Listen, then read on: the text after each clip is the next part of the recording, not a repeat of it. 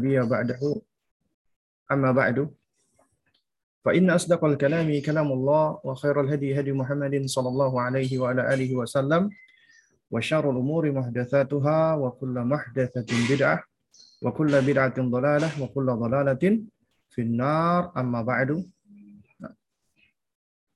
Ikhwatal kiram, para pendengar Radio Muslim Jogja, dimanapun antum berada, dan juga para ikhwat sekalian, ya, baik ikhwan maupun akhwat, aba atau ummahat, rahimani wa rahimakumullah. Kita bersyukur kepada Allah Subhanahu wa taala yang mana di pagi hari ini kita diperkenankan kembali oleh Allah Subhanahu wa taala untuk bersua kembali ya melanjutkan kajian kita uh, rutin pekanan ya. Meski di pekan kemarin qadarullah wa masyafa'ala ya kita libur ya dikarenakan ada uzur ya. Dan alhamdulillah Allah izinkan sekarang kita melanjutkan kembali di pagi hari ini. Kita masih membahas ya as'ilatu wajwibatu li sigari ma la yastaghni an anhal kibaru ya. Yaitu tanya jawab yang dibutuhkan oleh anak-anak ya. Tanya jawab untuk anak-anak tapi juga dibutuhkan oleh orang dewasa. Karya dari Fadilatul Syekh Salim bin Sa'ad At-Tawil hafizahullahu taala. Dan di kesempatan ini kita sudah sampai di pertanyaan yang ke-47. Ya, 47. Nah, di pertemuan kita yang lalu ya, bagi yang punya bukunya atau e-booknya yang sudah mengunduh, bisa dibuka di halaman 76. Di pertemuan yang lalu, kita sudah kita sudah membahas ya pertanyaan sebelumnya, yaitu mengajarkan anak bacaan sholat. Ya, mengajarkan anak bacaan sholat. Nah, sekarang kita akan uh, masuk ke pembahasan mengajarkan anak tentang sholat-sholat eh, sunnah Nabi. Ya, sholat-sholat nafilah atau nawafil atau tatawu. Ya, yang dianjurkan oleh baginda Nabi yang mulia alaihi yang perlu untuk kita ajarkan kepada anak-anak kita. Sebagaimana telah kita bahas ya di beberapa sesi atau beberapa pertemuan yang lalu ya, bahwa sholat itu adalah nikmat yang Allah Subhanahu wa taala berikan kepada hamba-hambanya melalui perantaraan baginda Nabi yang mulia alaihi salatu wassalam. Bahkan beliau berikan perintah ini secara eksklusif langsung ya. Artinya Nabi diangkat oleh Allah di Sidratul Muntaha ketika dimi'rajkan dan bersua dengan Allah Subhanahu wa taala. Kemudian Allah berikan perintah salat ini kepada baginda Nabi yang mulia alaihi salatu wassalam. Dan ini sebenarnya merupakan nikmat. Kenapa dikatakan nikmat Sebab banyak orang yang mengatakan ini adalah kewajiban, berarti beban. Ya. Padahal sejatinya ini bagian dari nikmat Allah Subhanahu wa taala. Terutama bagi mereka yang mencintai Allah karena para pencinta mereka tentunya ingin segera bersua dan ingin segera bisa berbicara, ngobrol dengan yang dia cinta. Dan Allah Subhanahu wa taala bagi hamba-hambanya selama masih di dunia Allah uji dengan Allah tidak memperlihatkan dirinya, Allah tidak memperlihatkan zatnya. Tapi Allah berikan tanda-tanda yang begitu banyaknya yang menunjukkan keberadaan dan kebesaran Allah Subhanahu wa taala. Meskipun Allah tidak menampakkan secara zatnya. Dan siapa saja yang berupaya untuk mengenali Allah dari dua tanda yang Allah berikan, yaitu ayat kauniyah dan ayat kauliyah, yang merupakan ciptaan Allah Subhanahu wa taala ya makhluk alam semesta beserta isinya itu ayat kauniyah dan ayat kauliyah yaitu firman-Nya yang Allah Subhanahu wa taala turunkan melalui perantaraan Jibril alaihissalam kepada nabi kita yang mulia Muhammad bin Abdullah alaihi salatu wassalam. Siapa saja yang berusaha mengenali Allah dengan melakukan pendekatan mempelajari dua ayat ini, maka sejatinya semakin dia berupaya mengenali Allah, maka akan semakin takjub hamba itu kepada penciptanya. Semakin cinta kepada penciptanya. Semakin mengagungkan hamba kepada penciptanya. Betapa tidak? Karena yang sedang dia kenali adalah Robnya yang maha sempurna. Kita ini manusia ya, melihat misalnya sesuatu yang indah saja, yang bagus, yang hebat menurut kita, kita sudah takjub nih Misalnya kita melihat pemandangan yang indah, kita takjub. atau kita misalnya sedang berada di atas pesawat kemudian kita melihat ya hamparan sawah misalnya atau misalnya ketika kita sedang berada di puncak gunung ya lalu kemudian kita melihat betapa banyak awan yang menyelimuti atau hal-hal lainnya maka manusia ketika melihat hal-hal yang seperti ini dia akan takjub. Ya. Dia akan kagum. Padahal yang dia lihat, dia perhatikan, dia cermati adalah makhluknya Allah. Ya. Makhluknya Allah. Yang mana tidak ada yang sempurna dari makhluknya Allah. Lantas bagaimana jika yang dia pelajari adalah Allah? Yang dia kenali adalah Allah. Dan itu pun melalui dari tanda-tanda yang telah Allah berikan. Ayat kauniyah dan ayat kauliyah. Tentunya akan semakin bertambah imannya. Semakin bertambah rasa takjubnya. Semakin bertambah mahabbahnya, kecintaannya kepada Allah. Semakin orang itu cinta, maka semakin dia ingin untuk senantiasa bersua, berjumpa, berbicara, berkomunikasi, ngobrol, dan seterusnya dengan yang dia cinta. Nah karena itu, sholat bagi orang-orang yang mencinta, mencintai Allah, yang sudah tumbuh mahabbahnya, yang sudah dikenalkan dengan penciptanya, maka sholat itu adalah kurratul a'yun, penyejuk mata dan penyejuk hatinya. Nikmat. Kenapa? Karena dengan sholat, seorang hamba bisa berkomunikasi langsung dengan penciptanya. Dengan cara yang di berikan oleh penciptanya. Seakan-akan ya kita ini diberikan sarana oleh Allah, media, ya instrumen untuk bisa berkomunikasi dengannya, ya untuk bisa berbicara dengannya, untuk bisa membangun alaqah, attachment, koneksi, relasi dengan Allah Subhanahu Wa Taala. Dan semakin seorang hamba itu bertakorup mendekatkan diri kepada Allah, maka akan semakin bertambah cintanya dan juga Allah akan membalas dengan mencintainya. Dan manakala seorang hamba itu telah dicintai oleh Allah, diridhoi oleh Allah, disayangi oleh Allah, maka sungguh dia akan menjadi hamba yang paling beruntung. Dan tak dan tak akan mungkin Allah Subhanahu wa taala ya meletakkan hamba yang dia sayangi, yang dia cintai itu di tempat-tempat yang rendah. Karena Allah akan menempatkan di tempat yang tinggi dekat dengannya. Yaitu di jannahnya, di surga Allah subhanahu wa ta'ala. Jamaah sekalian yang dimuliakan Allah subhanahu wa ta'ala. Karena itu, pijakan ketika kita mendidik anak kita untuk sholat, bukan sekedar sholat itu kewajiban, bukan.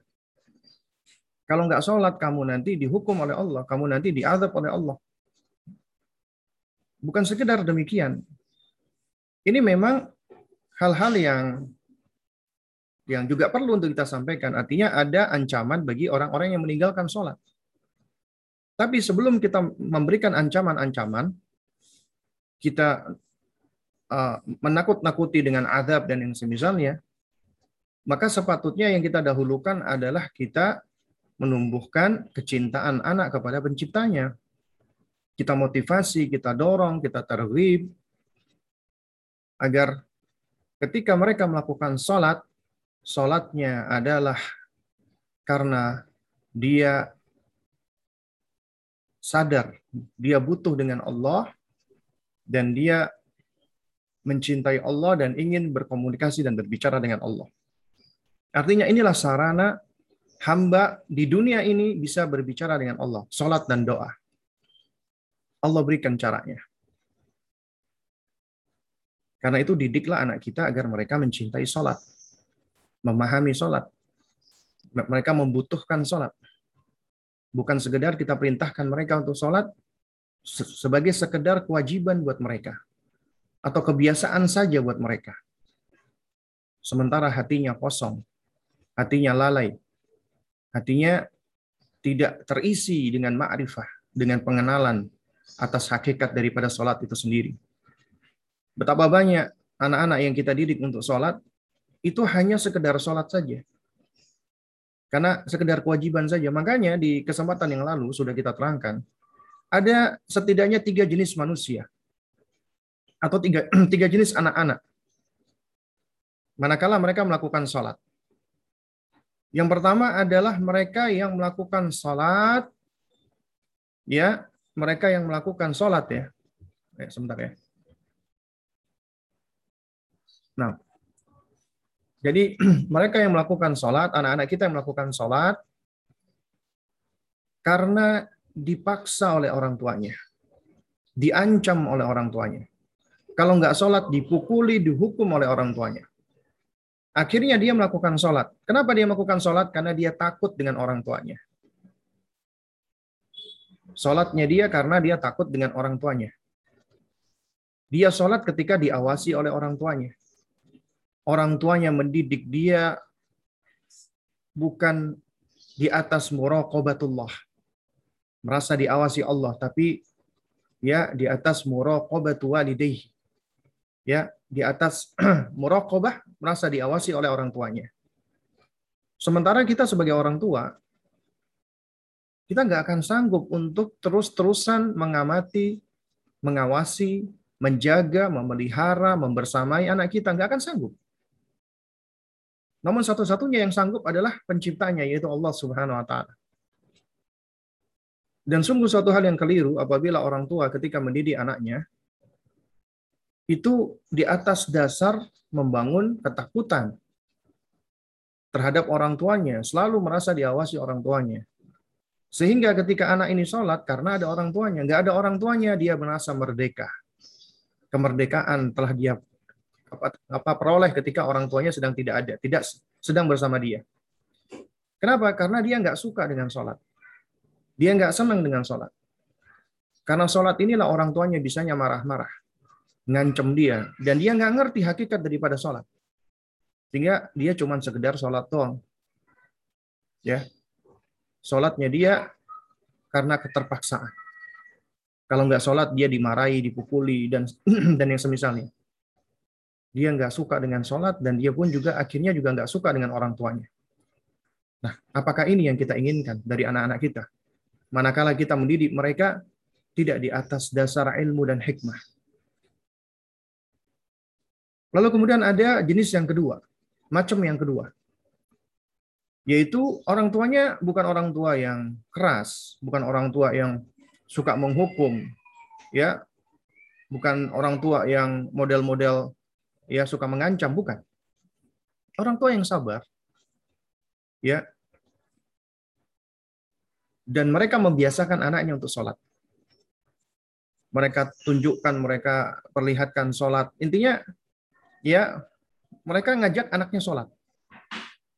Dan dibangun itu sebagai kebiasaan. Ini jauh lebih bagus daripada yang pertama tadi. Tapi orang tuanya sendiri nggak sadar, nggak paham tentang hakikat daripada sholat. Jadi orang tuanya menganggap ya ini kewajiban. Intinya sholat untuk menggugurkan kewajiban agar kita tidak berdosa. Udah selesai. Tapi nggak sadar, nggak ngerti tentang hakikat daripada sholat. Dan demikian pula mereka mendidik anak mereka. Yang penting kamu sholat. Jangan pernah kamu tinggalkan sholat, nak. Ya. Supaya Allah tidak marah, supaya kamu tidak berdosa. Ini kewajiban nggak boleh ditinggalkan. Nah, Akhirnya si anak ini sholat lima waktu. Alhamdulillah, kita apresiasi, kita bersyukur kepada Allah. Tapi sering kali ya sholatnya itu hanya menjadi ada kebiasaan. Bukannya jelek ya, ini kebiasaan baik. Tapi ada yang kurang di situ apa? Dia nggak ngerti, nggak ngeh, nggak paham tentang hakikat daripada sholat. Sehingga sholat itu hanya kebiasaan saja, bukan kebutuhan dia. Sholat itu cuma sebagai suatu kebiasaan saja. Ya. Sehingga ketika dia sholat, itu adalah kebiasaan dia. Dan sering kali orang-orang seperti ini, zohirnya saja yang sholat, tapi batinnya tidak sholat. Atau batinnya lalai. Ya, Dia sholat, cuman gerakan fisiknya aja. Tapi sering kali dia tidak paham, dia tidak khusyuk, dia tidak tumak nina. Ya mungkin dia tumak nina, tapi dia tidak full khusyuk konsentrasi di dalam sholatnya. Dan yang seperti ini biasanya sholatnya tidak banyak memberikan pengaruh untuk jiwanya. Sementara Allah mengatakan, ya, Inna salata tanha anil fahsya'i wal munkar. Sesungguhnya sholat itu mencegah dari perbuatan keji dan perbuatan mungkar. Tapi ternyata ya ada orang-orang yang sering sholat, biasa sholat, tapi ternyata masih melakukan perbuatan keji dan mungkar. Kenapa? Karena yang sholat cuma zohirnya. Hatinya, batinnya lalai dari sholat. Nggak ngerti hakikat sholat. Karena itu makanya jenis yang ketiga inilah yang tentunya kita harapkan. Yaitu anak-anak yang kita didik yang mulai dari perkara yang perkara yang paling mendasar sebelum diperintah sholat, yaitu diajarkan akidah dan tauhid, dikenalkan lebih jauh tentang penciptanya, agar anak ini senantiasa sadar dirinya makhluk yang butuh dengan Allah, yang seharusnya dia apa yang dia harus terus-terusan bersyukur kepada Allah atas banyaknya nikmat dan karunia yang Allah berikan. Dan juga dia harus belajar untuk bersabar. Ya, atas segala apa yang Allah Subhanahu wa taala ya uh, tidak berikan saat itu atau yang Allah tunda saat itu. Ya. Dan apa yang kita ajarkan bahwasanya semua keputusan Allah adalah baik, yang paling baik. Nah, sehingga anak-anak ini ketika dia sholat, itu adalah menjadi suatu hal yang dia butuhkan. Dia gembira, dia senang. Makanya Rasulullah SAW ketika masuk waktu sholat, beliau perintahkan kepada Bilal beliau tidak tidak memerintahkan Bilal wahai Bilal ya kum bangunlah ya dan azanlah. Ya eh Bilal bangun udah masuk waktu sholat azanlah. Nabi tidak mem, tidak memberikan perintah seperti itu. Tapi ucapan Nabi adalah ya Bilal kum arih Nabi sholat. Wahai Bilal bangun. Ya bahagiakan kami dengan sholat. Jadikanlah kami senang bahagia dengan sholat. Karena ya Nabi kita yang mulia alaihissalam itu adalah ju'ilatis salah dijadikan salat itu bagi untuk beliau adalah sebagai qurratun ain ya. Sebagai penyejuk mata untuk beliau alaihi salatu wassalam. Nah, oleh karena itu makanya jamaah sekalian menggunakan Allah, ini adalah pijakan pertama yang perlu kita pahamkan kepada anak kita, kita itu butuh untuk sholat. Ya, kamu itu butuh untuk sholat. Karena kita butuh kepada Allah. Kita jauh lebih butuh kepada Allah daripada kebutuhan kita dengan yang lainnya. Dan siapa yang mendidik anaknya, ya selalu terpaut, terikat dan terkait dengan penciptanya, maka insya Allah anak itu akan menjadi anak yang soleh. Dan anak itu akan menjadi anak yang berbakti kepada orang tuanya, insya Allah. Nah,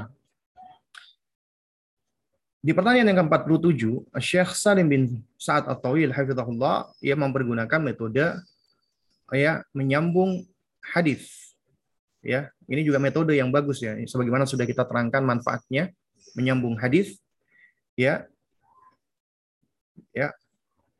Kita ajarkan pula kepada anak-anak kita akmilil hadis ya.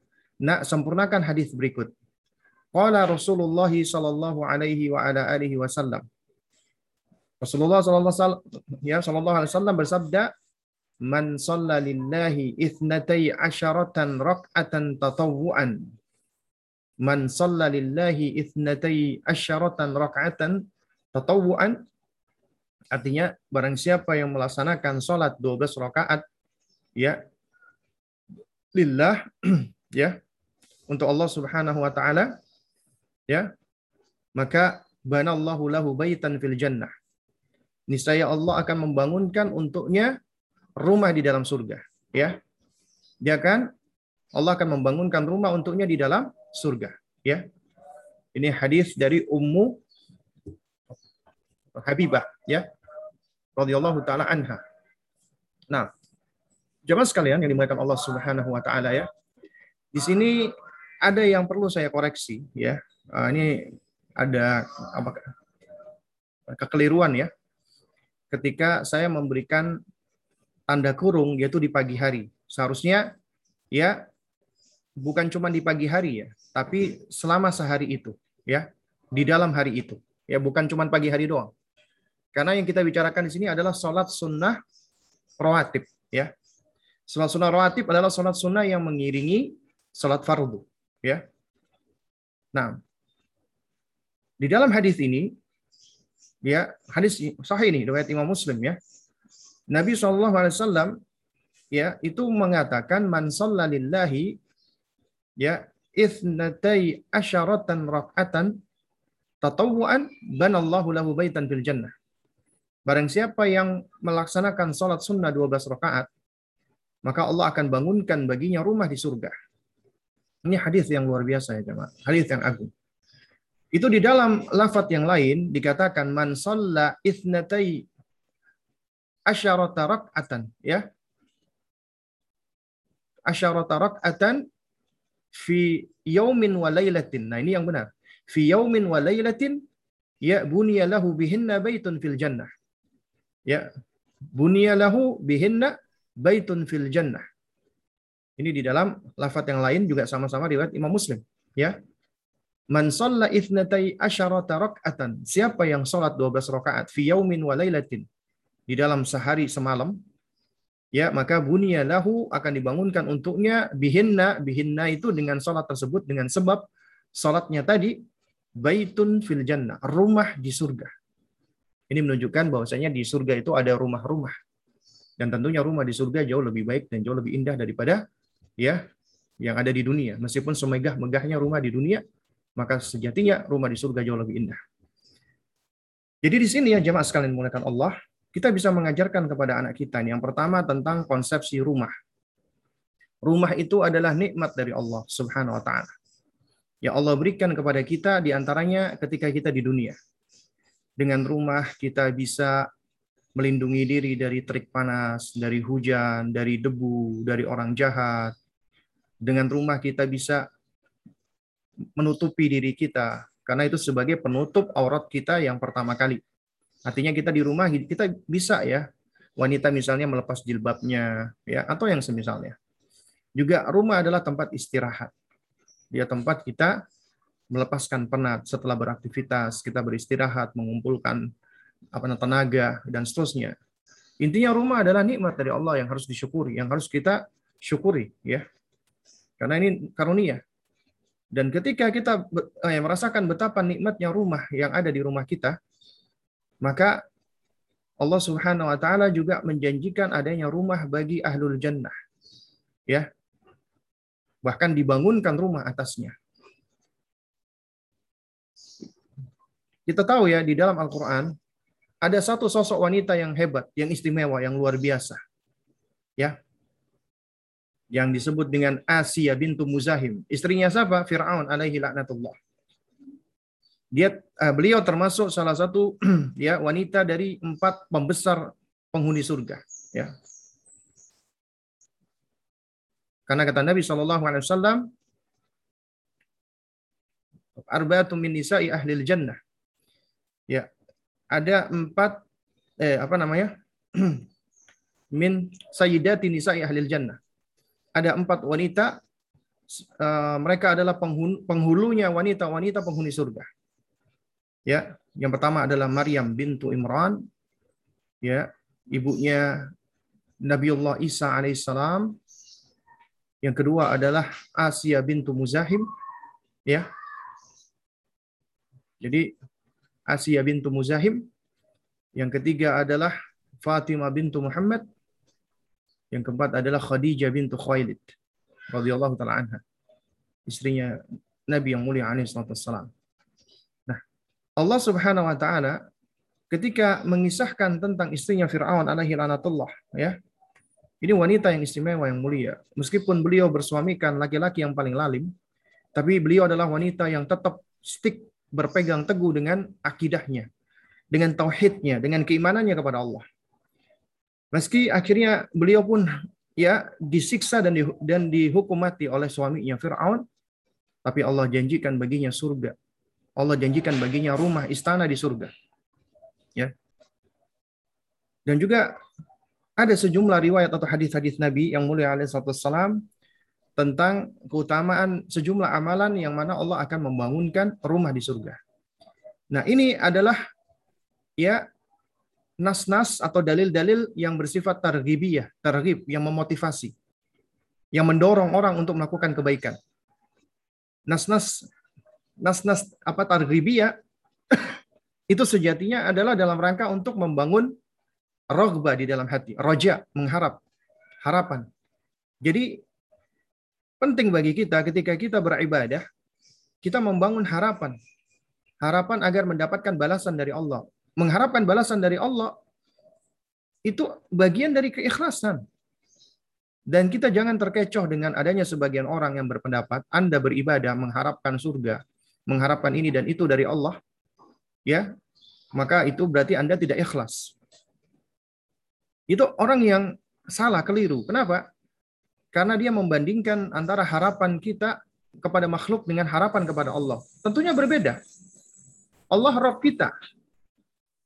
Ya, Allah adalah pencipta kita.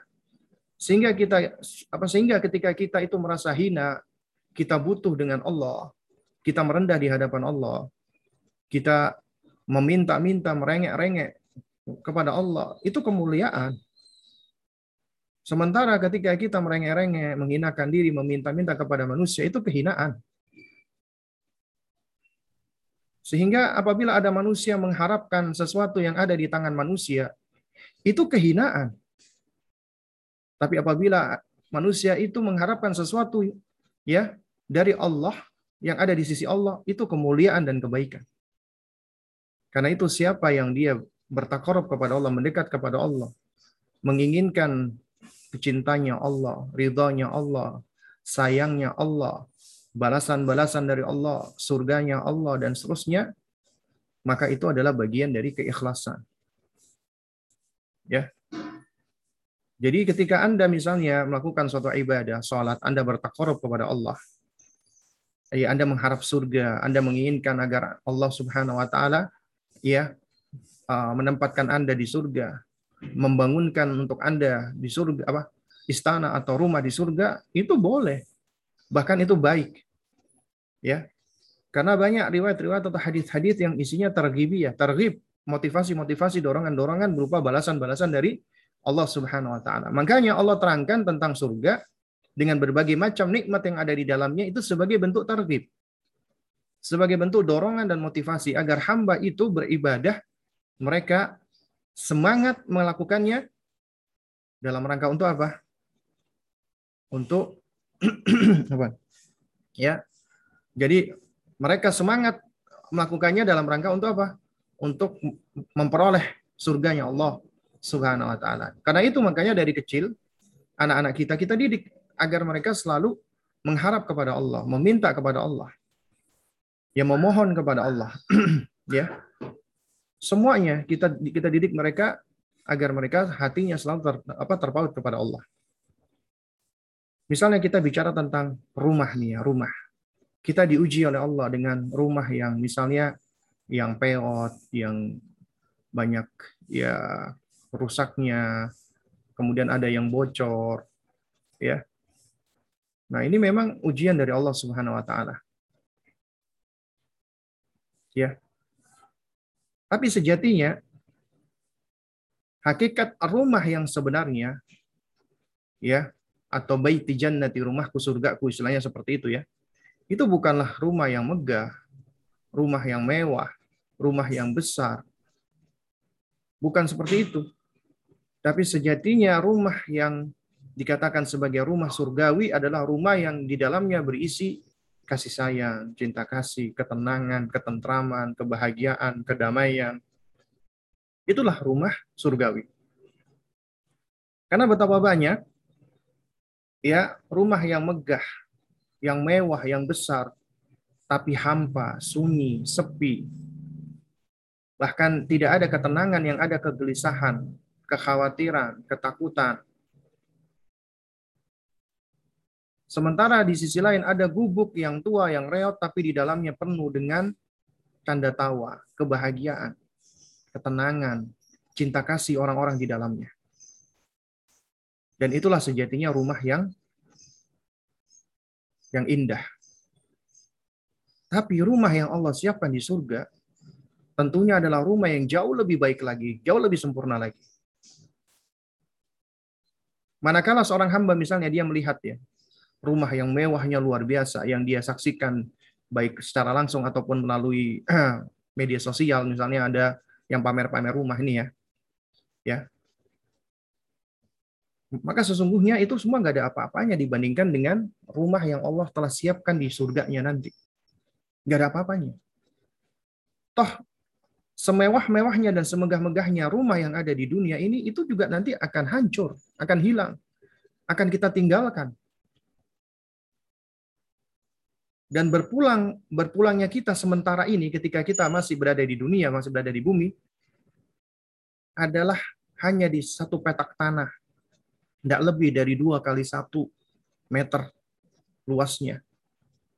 Ya. Itulah nanti rumah atau tempat yang akan kita tempati. Siapa pun kita. Di dunia kita punya rumah yang kecil ataupun di dunia kita punya rumah yang besar, tetap nanti ketika kita meninggalkan dunia ini kita akan masuk ke dalam tanah yang sempit. Tapi bagi mereka-mereka yang bertakwa kepada Allah, beriman kepada Allah, Allah lapangkan kuburnya. Allah luaskan makamnya.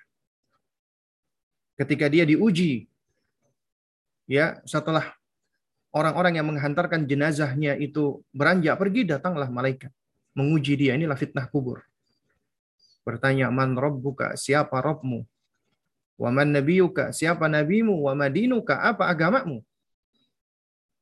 Kemudian dia mampu menjawabnya. Maka Allah berikan dia nikmat kubur. Allah lapangkan, Allah luaskan. Dan Allah jadikan amalnya itu sebagai sebaik-baik teman untuknya. Allah rupakan amal-amal kita, amal soleh kita itu menjadi sosok yang begitu indah, begitu tampan atau cantik, dan begitu harumnya sehingga mereka menjadi sahabat atau yang apa teman yang menemani kita di alam barzah sebagai sebaik-baik teman. Kemudian Allah tampakkan bagi para penghuni surga yang soleh tadi tempatnya nanti di jannah di, di surga Allah tampakkan ya tempatnya di surga. Ketika mereka melihat surganya Allah mereka berharap agar Allah memper, Allah menyegerakan datangnya kiamat agar mereka bisa segera menempati jannahnya Allah tersebut. Sementara di sisi lain, orang-orang yang tidak lulus ujian, yang tidak lulus ketika mendapatkan ujian, itu fitnah kubur. Ditanya, man rabbuka? Dia hanya menjawab, ah, ah. Waman nabiuka? Dia juga menjawab, ah, ah. Wamadinuka? Dia juga menjawab, ah. Dia nggak bisa menjawabnya. Maka Allah himpit dia dihimpit dia di kuburnya, disempitkan makamnya. Kemudian dirupakan amal buruknya menjadi sosok yang jelek, mengerikan, lagi bau busuk. Dan itulah seburuk-buruk teman ketika seorang itu dia berada di alam kubur atau di alam barzakh. Dia merasa begitu sulitnya dan penyesalan datang bertubi-tubi tapi penyesalan itu sudah tidak lagi berguna. Karena ketika al-hayat, al-hayat nikmat, nikmat hidup Allah sudah tarik, maka sudah ada tidak maka sudah tidak ada lagi kesempatan kedua. Enggak ada lagi. Yang ada hanyalah angan-angan. Ya orang-orang yang melakukan kekufuran, orang-orang yang melakukan kemaksiatan, orang-orang yang melakukan kebid'ahan dan berbagai macam kedurhakaan lainnya.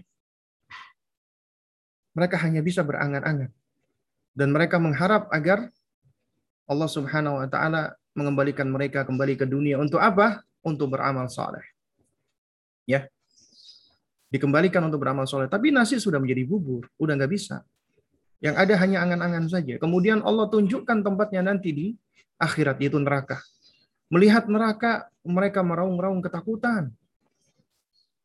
Dan mereka memohon-mohon agar diberikan kesempatan yang kedua, tapi sudah tidak ada lagi kesempatan amalnya sudah terputus. Yang masih berjalan adalah apa? Yaitu amal-amal ketaatan atau amal-amal kebaikan yang jariah. Asalkan itu berangkat dari keimanan dan amal soleh. Itulah yang akan senantiasa menghantarkan pahala kepada dirinya. Bisa jadi ada orang, taruhlah dia adalah orang yang mungkin tidak begitu getol beribadah. Bahkan sering bermaksiat kepada Allah. Tapi dia punya sisi-sisi kebaikan. dia punya harta yang halal, misalnya dia bangunkan shelter, ya tempat peristirahatan bagi para musafirin, ya sehingga orang-orang yang lagi safar bisa beristirahat di situ. Kemudian dia siapkan ada musolanya, ada masjid apa, ada tempat sholatnya, ada tempat, ada kamar mandinya. Maka setiap kali ada orang yang mengambil manfaat dari apa yang dia bangunkan tadi, apa yang dia apa yang dia buat tadi, dia akan mendapatkan pahala. Dan juga yang nggak kalah penting adalah ketika dia meninggalkan anak. Anak yang selalu mendoakan orang tuanya, yang senantiasa memohonkan ampunan untuk orang tuanya, yang memohonkan kasih sayang agar Allah menyayangi orang tuanya ketika sudah wafat. Maka itulah yang akan bermanfaat.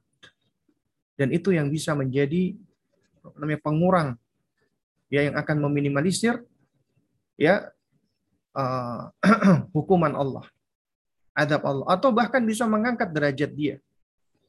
Manakala dosa-dosanya itu sudah diampuni oleh Allah, Allah tetapkan dia di surga, lalu kemudian Allah angkat dia di surga yang lebih tinggi lagi. Sebagaimana di dalam sebuah riwayat dikatakan oleh baginda Nabi yang mulia alaihi wasallam, wa anna rajulan la turfa'u darajatuhu fil jannah. Ada seorang laki-laki yang dia diangkat derajatnya di surga. Padahal dia udah masuk surga ini udah merasa bahagia luar biasa. Gembira luar biasa, senangnya luar biasa. Karena tidak ada kenikmatan yang lebih besar bagi seorang hamba kecuali ketika dia sudah menapakkan kakinya di dalam surga. Ya. Ini adalah fauzun azim. Fauzun kabir. Kemenangan yang paling besar. Nggak ada kemenangan yang paling besar bagi seorang hamba kecuali setelah dia menapakkan kakinya ke surga. Meskipun itu surga tingkatan paling rendah. Itu sudah merupakan fauzun azim, kemenangan yang paling besar. Dia sudah merasakan nikmat, tapi diangkat lagi oleh Allah. Dia bertanya, heran dia. Wa anna li hadha. Ya. Dari mana aku bisa dapatkan ini ya Allah? Bagaimana aku bisa memperoleh ini? Maka faqila lahu, maka dijawab bistighfari waladika laka. Yaitu dengan sebab istighfarnya anakmu kepadamu. Anakmu selalu beristighfar kepadamu. Selalu mendoakan kamu. Maka itulah yang akan bisa mengangkat derajat kita. Jamaah sekalian yang dimulakan Allah Subhanahu wa taala, ya.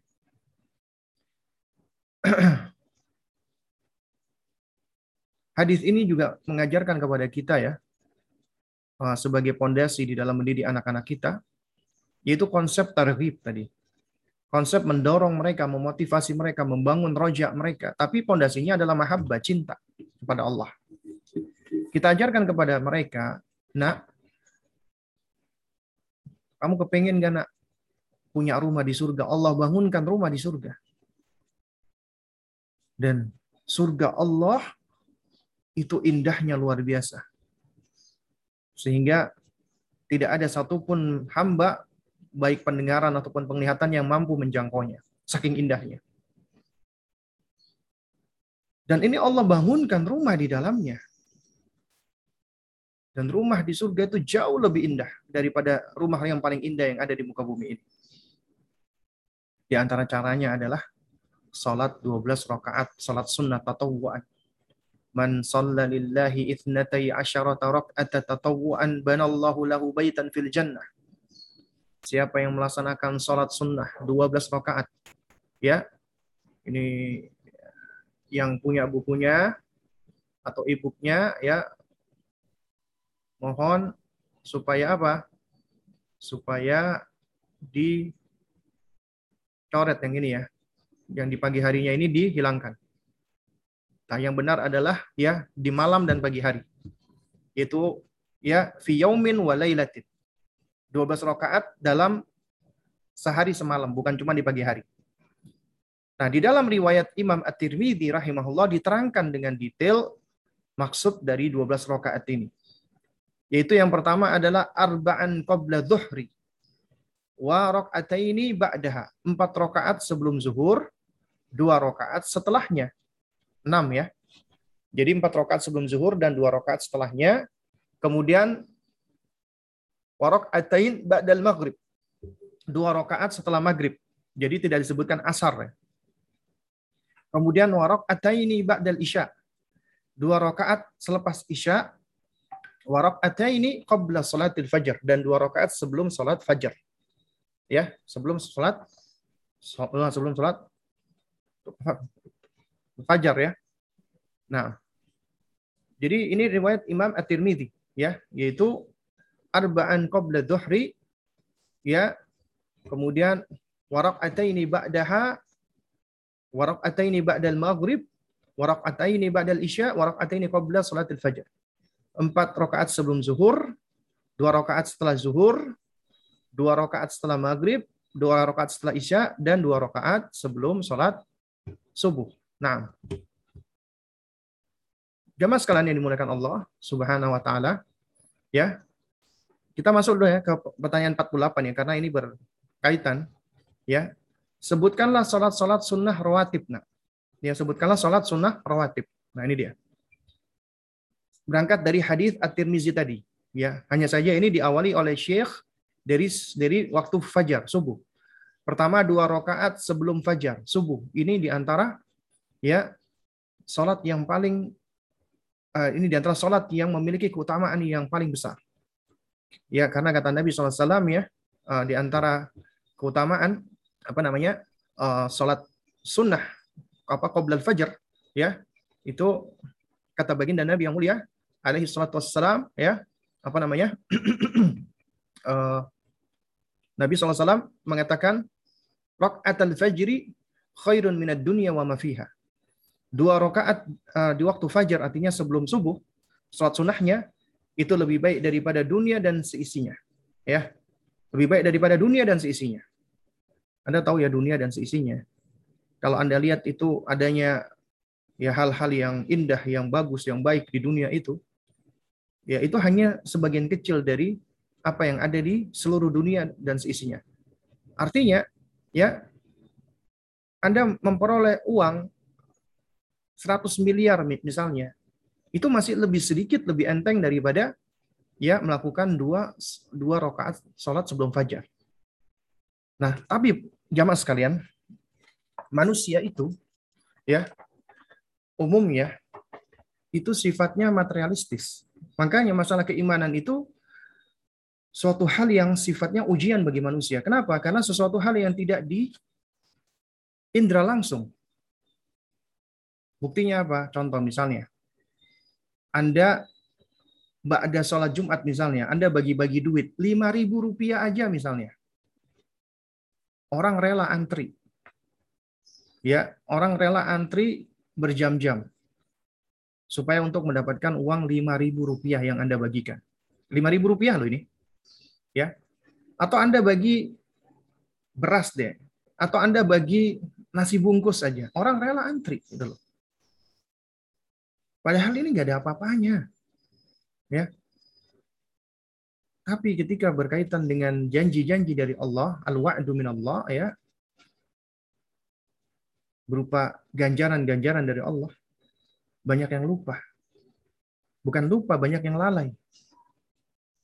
Sebagaimana kata Nabi dalam riwayat Imam Muslim, Rakaat al-fajri khairu minad dunya wa ma fiha dua rakaat sebelum fajar itu jauh lebih baik daripada dunia dan seisinya. Lebih baik. Artinya setiap kali kita di hari ini misalnya sholat sunnah fajar, kita mendapatkan kebaikan lebih baik daripada dunia dan seisinya, lebih baik daripada ber, ya bertriliun-triliun ya harta yang ada itu lebih baik sholat dua rakaat ini. Besoknya lagi kita lakukan, besoknya lagi kita lakukan. Ada nggak sih orang yang lebih kaya daripada orang yang mengkontinukan atau orang yang mendawamkan dua rakaat sebelum fajar. Ini perlu kita ajarkan ya jemaah. Ini adalah bentuk tarhib, memotivasi. Ya, salat sunnahnya saja itu luar biasa ganjarannya, apalagi salat fardunya. Karena salat fardu adalah tentunya salat yang Allah wajibkan. Dan itu adalah ya pastinya lebih baik daripada salat sunnah. Sementara sholat sunnah saja tak tahu Allah berikan ya balasan yang begitu luar biasa. Kemudian adalah empat rakaat sebelum zuhur, ya empat rakaat apa namanya qabla zuhur, ya itu di dalam riwayat ya uh, ya rawahul khamsah ya. Istilahnya kalau dikatakan rawahul khamsah artinya diriwayatkan oleh imam yang lima. Siapa imam yang lima itu? Yaitu Imam Ahmad, Imam At-Tirmidzi, Imam Nasai, Imam Ibnu Majah dan Imam Abu Dawud. Ya, jadi ada lima imam yang meriwayatkan. Ya, yaitu hadis Nabi SAW, man hafadha ala arba'in qabla dhuhri wa arba'in ba'daha haramahullahu ala nari. Siapa yang menjaga empat rakaat salat sunnah sebelum zuhur, nah di sini memang disebutkan empat rakaat setelah zuhur. Ya, di sini memang disebutkan empat rakaat ba'da zuhur. Maka Allah akan haramkan baginya neraka. Ya. Maka Allah akan haramkan baginya neraka. Kalau orang sudah Allah haramkan baginya neraka, pasti masuk surga, pasti. Artinya neraka dilarang oleh Allah untuk apa? Untuk memakan dan menelan hamba tersebut. Dan neraka makhluk Allah yang taat, tunduk, patuh kepada Allah. Ketika Allah haramkan neraka untuk memakan dan menelan hamba Allah yang Allah jaga, yang Allah apa namanya apa namanya pelihara ini, maka nggak mungkin orang tersebut akan di, dilalap oleh neraka. Berarti tempatnya adalah surga, jannahnya Allah Subhanahu wa taala.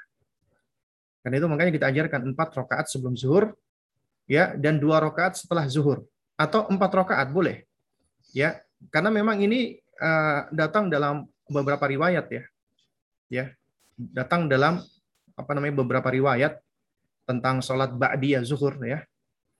Nah, yang muakkadahnya adalah dua rakaat, tapi sebagian ulama mengatakan empat rakaat.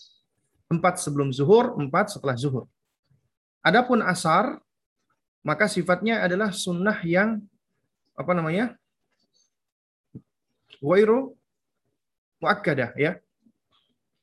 Jadi yang tidak begitu ditekankan itu dua rakaat apa qoblal asar, dua rakaat sebelum asar ya. Adapun setelah asar itu yang yang tepat adalah apa namanya? Tidak ada sholat sunnahnya. Ya, jadi sifatnya adalah sholat sunnah mutlakah. Lalu kemudian setelah itu adalah dua sholat dua rakaat setelah maghrib, bukan qoblal maghrib ya, setelah maghrib. Baru kemudian dua rakaat setelah isya, ba'dal isya. Ya, ba'dal isya. Dan di antara hal-hal penting yang perlu kita perhatikan adalah Nabi yang mulia alaihi salatu wassalam ketika beliau melakukan sholat sunnah, beliau itu jarang melakukannya di masjid kecuali sholat tahiyatul masjid. Ya pasti di masjid ya. Beliau menghidupkan sholat-sholat sunnahnya itu di rumahnya. Tapi sholat fardu itu di masjid. Karena itu tempat yang paling utama untuk melakukan sholat sunnah adalah di rumah. Artinya, misalnya ya, Anda akan sholat subuh berjamaah. Sholat dulu, sunnah dua rakaat di rumah. Kemudian berangkat ke masjid. Kalau ada waktu, kita sholat tahiyatul masjid dulu. Ya, sholat tahiyatul masjid. Baru kemudian setelah itu kita menunggu sampai datangnya waktu apa sampai sampai uh, apa namanya uh, dikumandangkan apa ikomah. Kemudian juga di antara sholat sunnah ya yang yang apa namanya yang banyak keutamaannya adalah sholat sunnah isyrok. Ya sholat sunnah isyrok ya. Nah, sholat sunnah isyrok ini sebagaimana kata Nabi Wasallam, man sholla sholat subhi fi masjidin jamaatin, siapa yang sholat subuh di masjid berjamaah, Ya. Lalu kemudian apa? Kemudian dia apa namanya? Yathbutu fihi. Dia berdiam diri di dalam apa setelahnya. Habis sholat dia diam. Dia dia nggak keluar, dia nggak apa ke mana-mana ya. Ya. Jadi dia dia di dalam uh, masjid tersebut. Dia berzikir atau membaca Quran atau yang semisalnya. Ya. Atau mungkin ada majelis ada subuh kajian, dia duduk di tempatnya situ. Ya. Sampai matahari sudah mulai terbit, ya. Maka kata Nabi SAW, Kana ajruhu ka ajri hajin tamah, tamah. Ya. Tamatin, tamatin. Ya. Jadi, kata Nabi SAW, ya, oh afwan ya. Jadi jadi dia menunggu dulu sampai matahari terbit, lalu kemudian dia sholat dua rakaat ya. Summa shalla raka'ataini kanat lahu ka ajri hajjatin wa umratin tamatin tamatin tamatin. Maka dia akan mendapatkan seperti pahala haji dan umrah sempurna, sempurna, dan sempurna. Jadi kalau mau pengen dapat pahala haji, ini bukan menggantikan haji dan umrah ya. Jangan salah paham, kadang-kadang ada, wah kalau gitu kita nggak perlu haji dan umrah. Bukan. Ini kita ngomong pahalanya. Ya, ganjarannya. Dan yang Allah yang lebih tahu tentang pahalanya, haji dan umrah. Jadi, sholat isyraq ya. Itu juga adalah suatu hal yang, apa namanya, yang yang ini ya, yang yang utama ataupun yang baik ya. Ya. Nah, jadi jamaah sekalian mulakan Allah, ini adalah sholat sunnah uh, rawatib ya. Jadi sholat sunnah rawatib. Dan ingat, ya di dalam bahasan kita yang lalu ya, ini sebagai penutup ya, sebagaimana yang diriwayatkan oleh sahabat yang mulia Abu Hurairah radhiyallahu taala anhu Ya Nabi SAW mengatakan inna awwala ma yuhasabu bihil abdu yaumal qiyamati min amalihi salatuhu. Sesungguhnya amal yang pertama kali akan dihisap oleh Allah Subhanahu wa taala di hari kiamat adalah salatnya. Ini perhatikan, salatnya. Ya. Fa in salahat salatuhu faqad aflaha wa anjaha. Apabila salatnya itu baik, maka sungguh dia beruntung dan dia selamat. Ya, maka sungguh beruntunglah dia dan selamatlah dia. Wa in fasadat faqad khaba wa khasira. Apabila salatnya itu jelek, salatnya itu buruk, salatnya itu rusak, maka sungguh rugi dan celaka dia. Ya, maka sungguh apa namanya? celaka dia. Kemudian dikatakan di dalam lanjutan hadis tadi, ya, apa namanya?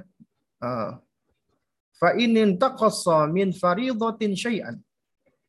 Apabila di dalam salat fardunya itu ada yang kurang, bolong-bolong misalnya. Bukan bolong-bolong nggak ngerjain salat ya, jangan salah paham ya. Kisah di sini artinya salatnya itu tidak sempurna. Artinya salat salatnya kita itu misalnya tidak begitu khusyuk, masih banyak pikiran. Ya, artinya bukan bolong itu meninggalkan salat, enggak. Tetap salat tapi ada ketidaksempurnaan di situ, ada kekurangan dan kita nggak ada yang bisa sempurna salatnya. Ya, makanya kata Nabi SAW jika di dalam salatnya itu salat fardunya itu masih ada yang kurang, maka Qala Rabbuna tabaraka wa ta'ala. Maka Rabb kita yang maha suci lagi maha mulia berfirman, Unduru hal abdi min tatawwu'in.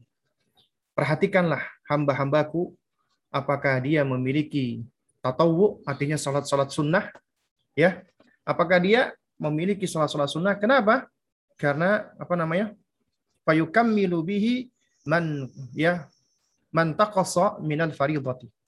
Karena salat-salat sunnah itulah yang akan menyempurnakan ya kekurangan dari salat-salat fardunya tadi. Ya, thumma yakunu sa'iru amalihi ala nahwi dzalika. Ya, lalu kemudian uh, apa namanya? seluruh amalnya tadi ya itu akan akan dihisap ya sebagaimana yang tadi yaitu dilihat ya misalnya masih ada hal-hal yang kurang kemudian dilihat dia sering melakukan sunnah tatawu yang tadinya bolong-bolong itu maka menjadi lengkap. Dan itu ya akan diharapkan menjadi salat yang baik. Sebagaimana fa'in salahat faqad aflaha wa anjah. Ya faqad aslaha wa anjah. Ya. Nah juga uh, tadi juga penting ya adalah kita lebih utama mengerjakannya di dalam rumah karena Nabi SAW mengatakan sebagaimana diriwayatkan oleh sahabat Zaid bin Thabit Ya alaikum bis salati fi buyutikum. Alaikum bis salati fi buyutikum. Ya. Hendaknya kalian kerjakan salat di rumah rumah kalian. Kerjakan salat di rumah-rumah kalian kata karena karena apa? Uh, kata para ulama artinya salat tatawu, salat sunnah. Kenapa? Karena kata Nabi di dalam lanjutan hadisnya mengatakan fa inna khairas salatil mar'i fi baitihi illa salatil maktubah. Karena sesungguhnya sebaik-baik salat bagi seorang manusia eh, bagi seorang hamba adalah dia melakukannya di rumahnya kecuali sholat maktubah, sholat wajib. Ya, kecuali sholat sholat wajib. Nah, jamaah sekalian yang mulakan Allah Subhanahu wa taala ya. Uh, apa namanya? Uh, sedikit menyinggung ya tentang sholat sunnah tadi ya yang yang sempat kelewatan. Itu ada sholat ya sunnah yang muakkada sama ghairu muakkada. Dan ini memang ada khilaf di antara para ulama. Ya. Tapi ya meskipun ada khilaf ya di situ yang kita perhatikan adalah dalil. Nah, di antara dalil yang menunjukkan salat sunnah muakkadah itu ada 10 adalah ada 10. 10 rakaat sebagaimana ya ucapan Abdullah ibnu Umar radhiyallahu taala anhuma yang mana beliau mengatakan eh, ya beliau menghafal ada 10 rakaat dari baginda Nabi yang mulia alaihi salam yaitu ya dua rakaat sebelum zuhur ya rakaat ini qabla dhuhur wa ba'daha ya ya apa namanya salat dua rakaat sebelum zuhur dan dua rakaat setelahnya empat ya kemudian dua rakaat ba'dal maghrib ya enam kemudian dua rakaat ba'dal isya delapan kemudian dua rakaat sebelum fajar sebelum sholat subuh sepuluh jadi ada sepuluh itu yang yang apa namanya uh, yang muakkadah ya ya yang yang muakkadah tapi sebagian sebagian ulama berpendapat ada 12. Sebagaimana hadis ini. Ya. Ada 12 rakaat. Jadi yang sebelum zuhurnya itu bukan dua rakaat tapi empat rakaat. Empat rakaat sebelum zuhur. Ya. Lalu kemudian ada sholat rawatib yang ghairu muakkada di antaranya adalah dua rakaat qoblal asar, kemudian juga dua rakaat qoblal maghrib dan dua rakaat qoblal isya. Ya. Itu itu di antara yang ghairu muakkada. Kalau ada yang tanya apa bedanya muakkadah sama ghairu muakkadah, muakkadah itu artinya yang ditekankan. Ini artinya yang lebih di, yang lebih sering dilakukan oleh Nabi. Artinya Nabi lebih banyak mengamalkannya. Ya. Sementara yang ghairu muakkadah itu sesuatu yang dikerjakan oleh Nabi, dianjurkan oleh Nabi tapi tidak terus-terusan dilakukan, ya. Jadi tidak senantiasa atau tidak terus-terusan dikerjakan, ya. Nah, tapi tentunya melakukan sholat-sholat ini adalah suatu hal yang utama. Ya adalah suatu hal yang baik ya. Nah, baik jamaah sekalian melakukan Allah yang karena sudah pukul 10 lewat ya. Mungkin kita cukupkan dulu sampai di sini. Insya Allah kita lanjutkan di pertemuan berikutnya yaitu kita mengajarkan anak tentang zakat. Dan ini penting sekali ya untuk mengajarkan mereka tentang zakat. Ya, tapi tentunya sesuai dengan usianya ya. Nanti akan kita bahas di bahasan kita di pertemuan berikutnya insya Allah taala. Baik. Uh, dikarenakan sudah pukul 10 ya kita mungkin masih bisa ada uh, waktu ya untuk bertanya jawab ya dua atau tiga pertanyaan kalau memang ada. Nah, ya baik apa waktu dan tempat saya kembalikan ke Mas Yusuf. Nah, Ustaz, uh, jazakallahu khairan. Terima kasih atas uh, penyampaian materi atau pemaparan materi kajiannya di sesi pertama ini. Ya, pertanyaan sudah menumpuk Ustadz. Mungkin di pagi hari ini cukup kita bacakan satu, namun kira eh, kira-kira ini membutuhkan pertanyaan yang, uh, membutuhkan jawaban yang cukup panjang Ustadz. Ya. Baik Ustadz, kita bacakan uh, satu pertanyaan yang masuk ya. melalui chat WhatsApp. Bismillah, Assalamualaikum Ustadz. Waalaikumsalam warahmatullahi wabarakatuh. Uh, Ustadz, bagaimana caranya mendidik anak atau memberitahu anak yang uh, sudah terlanjur besar? Ini kalau dikasih tahu malah berbalik menceramahi orang tuanya, Ustadz. Apa salah Ustadz jika saya terus diam dan bisanya cuma mendoakan, Ustadz? Mohon uh, agar diberikan Allah untuk diberi hidayah dan juga tetap selalu mengingatkannya walaupun selalu dicuekin ataupun diceramahi Ustadz. Mohon solusinya dan jawabannya Ustadz. Ya, anaknya nggak disebutkan usia berapa itu? Tidak disebutkan Ustadz. Ya. Nah, ya, jadi sebenarnya uh, tiap usia berbeda-beda ya, pendekatannya beda-beda ya. Ya mungkin dugaan saya ini dugaan saya ini anak sudah balik sepertinya karena ketika dikasih tahu malah malah diceramain balik ya. Ya mungkin yang dimaksud dengan diceramain balik itu ya artinya bukan ceramah positif ya. Karena ada loh orang tua yang diuji oleh Allah dengan anak. Orang tuanya ini baik sebenarnya. Ya. Jadi kepada anaknya baik. Kemudian dia melakukan pendekatannya juga baik. Ya, lalu kemudian anaknya itu di, di, di apa dididik juga dengan cara yang baik. Ya. Asalnya baik, ya. Tapi di situ ada satu hal yang bolong dari orang tuanya. Yaitu apa? Ketika kebaikan orang tua ini tidak diiringi dengan apa? Dengan upaya untuk mengkoneksikan atau membangun koneksi anaknya dengan penciptanya. Allah Subhanahu wa taala. Artinya kelewatan diajarkan akidah atau tauhid. Enggak diajarkan tentang ma'rifatul Rabb, ma'rifatul ma'rifatullah. Ya. Sehingga di situ ada apa namanya perkara yang sangat besar yang bolong. Lalu kemudian juga dikarenakan apa kejahilan ya. Karena kita asalnya jahil ya. Kita belajar akhirnya kita tahu. Ya mungkin sebelumnya dia nggak nggak tahu. Lalu disekolahkan di tempat-tempat yang menurutnya baik, ya dari sisi duniawi ya, di, apa disekolahkan di tempat-tempat yang memang uh, sekolah-sekolah umum gitu ya, yang apa namanya yang secara prestasinya bagus. Lalu kemudian ketika si anak ini taruhlah sudah usia 10 tahun ke atas.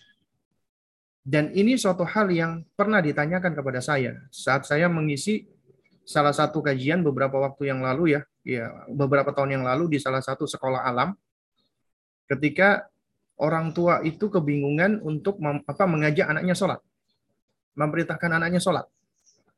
Malah ketika diajak sholat, ini anak menceramai ya, Ya, kalau kalau kita minjem ini ya, minjem istilah dari uh, sang penanya tadi, yaitu maksudnya menceramai adalah dia berargumentasi balik. Apa argumentasinya?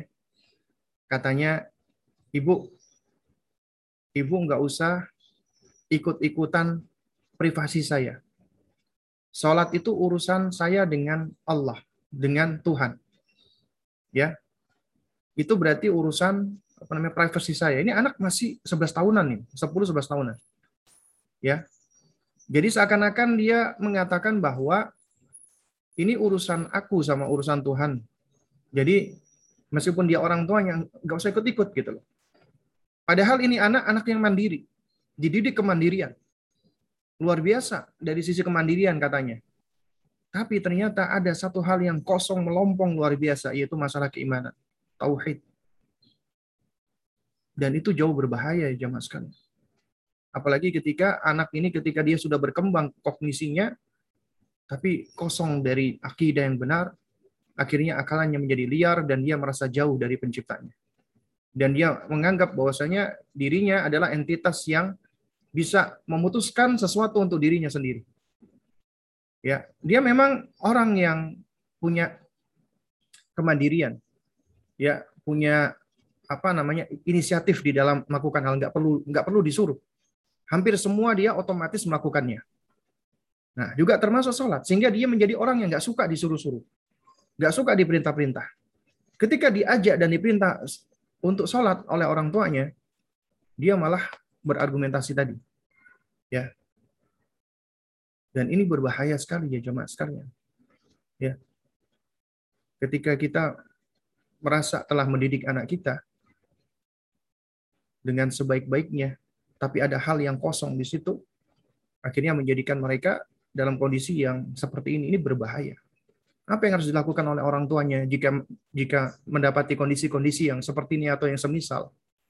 Anaknya disuruh sholat, tapi dia malah ya uh, berargumentasi ataupun dia malah membantah dengan berbagai macam alasan atau cara, maka yang harus kita lakukan pertama kali adalah kita bertaubat kepada Allah minta ampun kepada Allah, mohon maaf kepada Allah.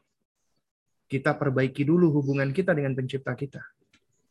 Karena suatu hal yang akan sangat-sangat-sangat sulit sekali bagi seseorang dia berupaya untuk memperbaiki orang lain sebelum dia memperbaiki dirinya dan memperbaiki hubungannya dengan penciptanya. Makanya perbaiki dulu hubungan kita dengan Allah. Dengan cara banyak bertobat kepada Allah, banyak ber takarrub mendekatkan diri kepada Allah dan seterusnya. Itu yang hendaknya kita lakukan. Baru kemudian yang kedua, kita terus belajar. Menuntut ilmu. Kemudian yang ketiga, kita doa. Dan doanya orang tua, apalagi seorang ibu itu insya Allah makbulah. Ya. Doa minta kepada Allah agar Allah berikan hidayah. Kemudian yang keempat yang yang nggak kalah penting ya, sebenarnya ini uh, bukan suatu hal yang sifatnya benar-benar urut ya. Jadi boleh yang nomor empat kita kita kita letakkan di nomor dua, yaitu setelah kita minta maaf kepada Allah, kita minta maaf kepada sang anak. Ya, kita minta maaf karena ada haknya anak yang mungkin terlewatkan. Dan memang bukan mungkin ya, dan memang lewat, tidak kita ajarkan. Ya, sehingga itu bagian dari kesalahan kita. Sehingga kita harus melepaskan hal tersebut, yaitu dengan minta maaf. Nak, maaf ya, ibu dulu ya uh, apa namanya jarang ngajarin kamu sholat. Ibu dulu jarang ngajarin kamu ini dan itu lain sebagainya. Ya, ibu merasa bersalah sama kamu atau dulu apa namanya istilahnya ibu apa namanya terlalu banyak sibuk dengan ini dan itu. Ibu banyak menuntut kamu. Oh, pokoknya intinya yang kita merasa salah, kita minta maaf. Dan ini adalah momen pertama untuk ya melakukan apa namanya rekoneksi ya yaitu membangun koneksi ulang dengan anak. Jadi kalau Anda ingin didengarkan anak, Anda harus membangun koneksi ulang dengan dengan anak Anda. Memperbaiki komunikasi Anda. Awali dengan minta maaf. Kemudian yang kedua, jadilah pendengar yang baik. Yang ketiga, ya uh, jangan terlalu banyak memberikan label atau seakan menceramai anak atau misalnya. Ya. Terus kemudian juga yang nggak kalah penting adalah kita harus ngerti ini bahwasanya anak ketika sudah balik, misalnya kalau dia sudah balik, berarti dia sudah mukallaf. Dia udah bertanggung jawab dengan amalnya sendiri, perbuatan sendiri. Artinya dia sudah mendapatkan dosa dan seterusnya. Berarti Anda sudah sudah lepas tanggung jawab sebenarnya. Ya, kewajiban Anda saat itu hanya menasehati. Ya, hanya memberikan nasihat. Nah, oleh karena itu makanya ya ketika memang dia sudah balik, yang bisa kita lakukan adalah kita tetap berbuat baik, kita nasihati ya. Kemudian kita mendewasakan anak kita. Artinya kita tidak lagi menganggap dia seperti anak-anak, tapi kita anggap dia sudah seperti orang dewasa. Pendekatannya makanya jadi sahabat dengan dia. Sebagaimana ya kuat hikmah yang menyebutkan la'ib ibnaka fi sab'in wa adihu fi sab'in wa sahibu fi sab'in. Bermain dengan anakmu tujuh tahun pertama, takdib, disiplinkan dan didik lebih intens di tujuh tahun kedua, dan bersahabatlah di tujuh tahun ketiga. Karena itu jadilah sahabat untuk untuk anak tersebut. Nah, Allah alam soal. Ya, nah Ustaz, uh, terima kasih atas nasihat dan jawabannya Ustaz. Jazakallahu khairan. Ya, uh, Afwan Ustaz, apabila memungkinkan mungkin satu pertanyaan lagi Ustaz. Silakan. Nah, nah uh, satu pertanyaan lagi uh, dari hamba Allah. Pertanyaan pekan lalu. Assalamualaikum Ustaz. Waalaikumsalam warahmatullahi wabarakatuh. Uh, Ustadz, uh, izin tanya, anak saya usia belum genap 9 tahun. Alhamdulillah sudah bisa sholat rutin, akan tetapi dalam hal gerakan sholatnya masih sulit dibenarkan Ustadz. Masih suka sebisanya. Kami sudah setiap kali mengajari, tetapi tetap saja susah. Bagaimana sebaiknya Ustadz mengingat, mengingat dia belum wajib sholat? Apakah dibiarkan sebisanya atau harus ditekankan supaya benar? Uh, misalnya ketika uh, Alhamdulillah Ustadz, uh, anak saya sudah bisa rutin, akan tetapi dalam hal gerakan sholat, ini Tidak, masih... Bukan. Uh, uh, itunya tadi, uh, usianya berapa tadi usianya? Usianya 9 tahun Ustadz, belum ya. genap belum genap 9 tahun Ustadz. Baik, baik. Iya. Baik ya, jamaah sekalian muliakan Allah Subhanahu wa taala ya. Ya, Nabi mengatakan muru auladakum bis salati wa hum abna'us sab'in. Perintahkanlah anakmu untuk salat di usia 7 tahun. Dan ini juga sudah kita terangkan ya di apa kajian-kajian kita yang lalu. Di antara ya karakteristik anak tujuh tahun itu mereka sudah tamis idealnya. Dan tamis itu diikuti dengan kemampuan mereka untuk bisa memahami instruksi dan kemampuan kognitif yang sudah yang sudah yang sudah lebih optimal. Di antaranya kemampuan untuk apa sequencing ya, melakukan pengurutan atau tartib. Karena gerakan sholat kan tartib ya kan. Wudhu juga sama tartib, harus ada urutan-urutannya. Dan juga anak usia tujuh tahun itu juga sudah lebih mampu untuk meniru gerakan sholat dengan lebih baik daripada anak usia di bawahnya. Ya, daripada anak usia di bawahnya. Dalam apa dari sisi gerakan dan seterusnya. Karena itu apabila anak kita sudah lewat dari tujuh tahun, apalagi sembilan tahun, itu gerakannya masih keliru, apa yang dilakukan oleh orang tua? Tetap bersabar. Bersamai, dampingi, ajarkan gerakan yang benar, contohkan gerakan yang benar, berulang-ulang terus sampai sholatnya benar. Ya, jangan dibiarkan. Kenapa? Karena kalau dibiarkan gerakannya salah, kemudian menjadi kebiasaan, sesuatu yang sudah dibiasakan akan lebih sulit untuk diubah. Karena itu makanya terus harus kalau dia keliru di awal-awal ini diperbaiki gerakan sholatnya. Seharusnya kalau anak sudah usia di atas tujuh tahun dia sudah mampu untuk bisa meniru dengan baik. Nah kalau sudah berulang-ulang tapi ini anak masih keliru aja gerakan sholatnya sudah berulang-ulang ya tetap masih salah maka kita harus mencermati nih ada sesuatu yang mungkin uh, lewat atau apa keliru ya ya biasanya ini berkaitan dengan apa? Dengan apa namanya? perkembangan motoriknya, sensoriknya dan yang semisalnya. Nah, jadi ini hal-hal yang perlu untuk kita apa namanya perhatikan. Kenapa? Karena umumnya anak-anak usia 7 tahun itu sudah bisa meniru dengan lebih baik lagi daripada anak sebelumnya dalam hal gerakan ya. Kalau anak di bawah 7 tahun misalnya sujudnya masih ya seperti menempelkan sikunya ke ke apa namanya ke lantai, udah diingatkan dia masih melakukan, itu masih suatu hal yang yang di, yang dimaklumi. Tapi anak tujuh tahun ke atas, kalau dia sholat, tetap masih menempelkan sikunya, udah dikasih tahu, ya, berulang-ulang, berulang-ulang, masih diulang-ulang, udah dikasih tahu berulang kali, ya, diingatkan, diingatkan, diingatkan, dan masih tetap dia melakukannya. Nah, berarti kita harus cari tahu nih, ada sesuatu dengan anak ini, ya, ada ada sesuatu dengan anak ini. Karena biasanya anak-anak ya itu kalau kita apa berbicara konsep tamis ya, memang tiap anak beda-beda. Idealnya tujuh tahun itu sudah sudah tamis. Meskipun ada yang lebih duluan tamis, ada yang lima tahun itu sudah sudah tamis, sudah masya Allah. Bukan hanya sekedar bisa bisa membedakan kanan dan kiri, bukan, tapi juga sudah bisa tahu ini salah, ini benar, dan dan dia juga sudah lebih bisa memahami apa perkataan orang lain. Kemudian juga dia juga sudah lebih bisa mengungkapkan uh, opini dan pendapat atau gagasan dia. Kemudian dia juga sudah lebih ngerti ya tentang tentang apa ya tentang hal-hal yang sifatnya apa istilahnya yang yang sifatnya sudah mulai abstrak itu dia sudah mulai lebih lebih bisa memahami ya dan seterusnya. Tapi ada juga ada anak-anak udah usia 8 tahun, 9 tahun, 10 tahun itu masih kok kok kayaknya masih belum kelihatan tamisnya ini anak.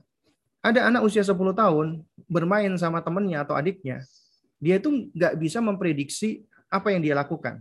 Karena di antara bentuk tamis itu dia sudah bisa uh, mengira-ngira ini. Berbahaya nggak ketika dia melakukan ini dan itu. Kalau Anda punya anak, usia udah di atas 7 tahun, misalnya 10 tahun, temennya didorong sampai jatuh, atau dia apa namanya melakukan hal-hal yang apa namanya membahayakan anak lain, berarti ini anak ini kemungkinan besar dia belum mampu memprediksi apa yang dia lakukan.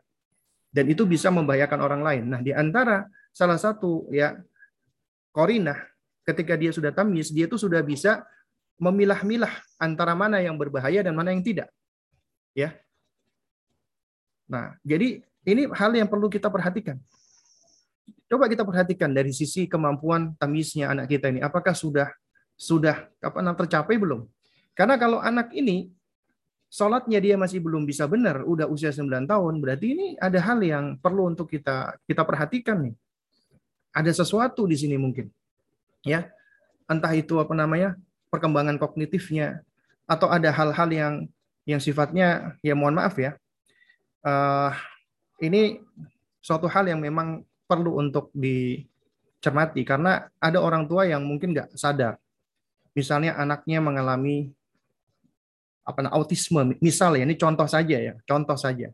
Anak mengalami autisme atau mengalami yang semisal itu, ya ini tentunya beda dong dengan anak-anak lainnya, ya.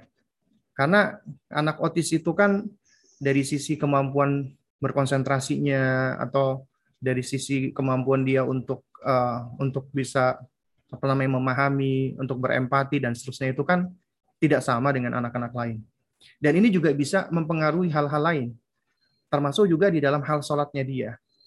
Nah karena itu makanya ya nasihat saya adalah terus dampingi, bersamai, ajarkan, ulang-ulangi ya tentang sholat yang benar bagaimana.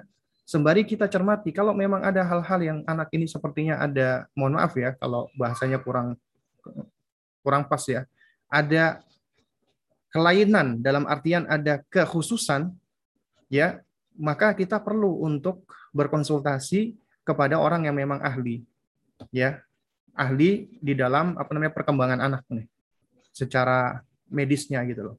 Itu suatu hal yang yang perlu agar kita bisa misalnya memberikan apa ya, maksudnya kita bisa memberikan stimulasi yang tepat untuk anak ini sehingga dia bisa bertumbuh dengan lebih baik ya ya pastinya dengan izin Allah Subhanahu wa taala. Nah, wallahu taala alam bisawab ya. Nah, Ustaz, uh, jazakallahu khairan Ustaz atas nasihatnya dan juga penjelasan yang telah diberikan. Ya, itu tadi adalah uh, pertanyaan terakhir kita yang bisa kita angkat Ustaz di pagi hari ini.